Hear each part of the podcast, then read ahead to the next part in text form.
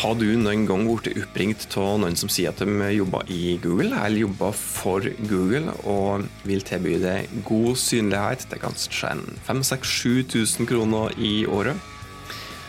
Hva har du egentlig svart på de telefonene? Er du usikker på om svaret du eh, ga var så smart? Da bør du definitivt høre på denne podkast-episoden her. Hei, jeg heter Tormod Spørstad. Dette er podkastserien der du får nyttige tips til hvordan du kan få bedriften din til å stå på litt stødigere økonomiske bein. Som sagt tidligere, dette er ikke podkasten for bedrifter som har kjempestore markedsføringsbudsjett og har eh, egne dedikerte markedsføringsteam. Dette her er en podkastserie der du får gode, håndfaste og først og fremst enkle tips som du kan iverksette bortimot umiddelbart, og som du kan få god effekt av nesten umiddelbart. Uh, uten å bruke så fryktelig mye konsulentbistand.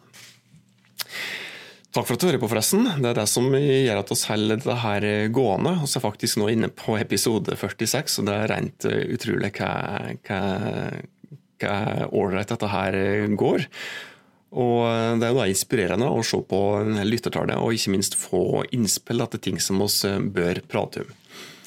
Og bør prate om, ja. Det som vi egentlig hadde tenkt å prate om i dagens podkastepisode, var egentlig noe helt eh, annet. Men så skjer det jo da av og til ting. da, Dukker opp eh, noen slike caser i mailboksen i ulike fora i sosiale medier som gjør at vi eh, føler at vi bør snu oss rundt nokså fort.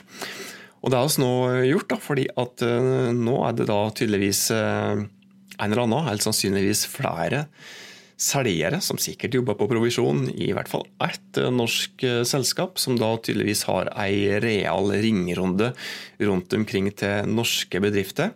Sannsynligvis så fokuserer de på små bedrifter som ikke har så fryktelig store ressurser, og som kanskje ikke har egne markedsføringsfolk heller, som da Eh, ikke har så fryktelig god faglig kunnskap om god Google-synlighet.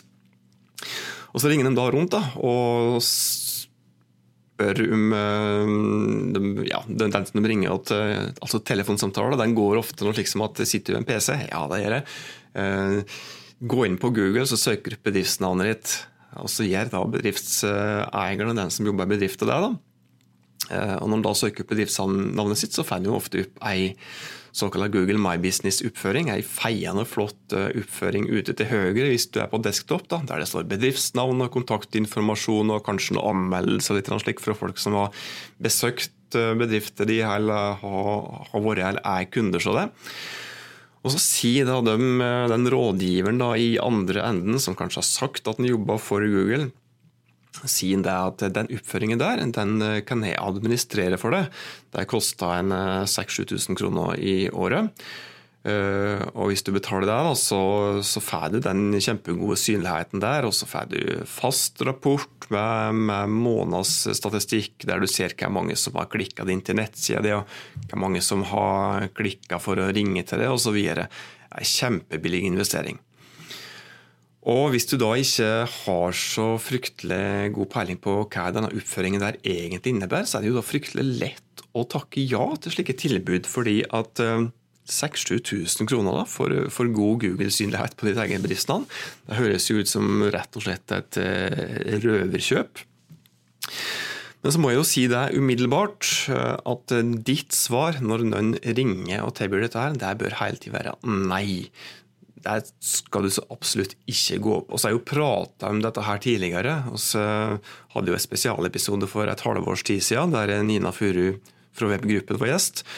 Og Der hadde hun rett og slett et klart råd at eh, nei, du skal ikke bare si nei, men du skal si det nei du lurer med til slike som ringer for å tilby den type oppføringer. Og jeg vil si det at eh, Jeg er selvsagt helt enig i at du skal ikke betale for dette her, fordi at det er først og fremst noe som du enkelt ordner sjøl. Eh, men jeg må en, må en, gang si det at det er ikke direkte ulovlig at såkalte synlighetseksperter ringer og tilbyr seg å administrere denne her Google-synligheten for det. Det er ikke ulovlig, men framgangsmåten den mener jeg helt klart er umoralsk, den er uetisk. Fordi at når de ringer, så gir de ofte Eller du som sitter som bedriftseier, eller som kanskje jobber med mange arter, med en bitte liten markedsføringssats bl.a. Eh, du får ofte et inntrykk av at dette er noe som du ikke har kontroll på sjøl, og at dette er noe som du må betale for. Og De sier jo ofte at dette er oppføring som de stenger også, hvis du ikke betaler, og det har de faktisk mulighet til å gjøre hvis de har kontroll på oppføringen. Eh, når det er sagt, så er det jo fryktelig enkelt for deg sjøl å, ta kontroll på den oppføringen på nytt, eller å gå i en ny oppføring etter at de eventuelt har, har, stengt den. Men framgangsmåten som de da bruker når de ringer deg på telefon, den gjør jo da ofte at, at den som jobber i bedrifter som sitter i andre enden, som sagt, da får et inntrykk av at dette er noe som de bør betale for. Uh, og Når de da ikke sier den hele fulle sannheten om dette, her, så er det en grunn til at jeg mener at det er umoralsk. At det rett og slett er dårlig forretningsskikk å gjøre det på den eh, måten her. Det er rett og slett eh, på grensa til lureri. En annen ting som ikke setter spesielt stor pris på, er at når den samtalen, telefonsamtalen ofte, eh, når den er over, da, Eh, og du da har sagt at ja, ok, send meg tilbud på dette, her, ja, så sender jeg meg tilbud på e-post. Og i den e-posten så står det det at eh, når du svarer OK på denne e-posten her, så hadde du da takka ja til ei, til ei, avtale der du da må betale de kronene her for den Google-synligheten. Altså, Du må altså ikke signere en kontrakt. Det er nok at du svarer OK på mailen, så har du akseptert uh, avtalen. Det òg syns jeg egentlig ikke noe spesielt uh, um. En annen grunn til at jeg syns det er shady, altså.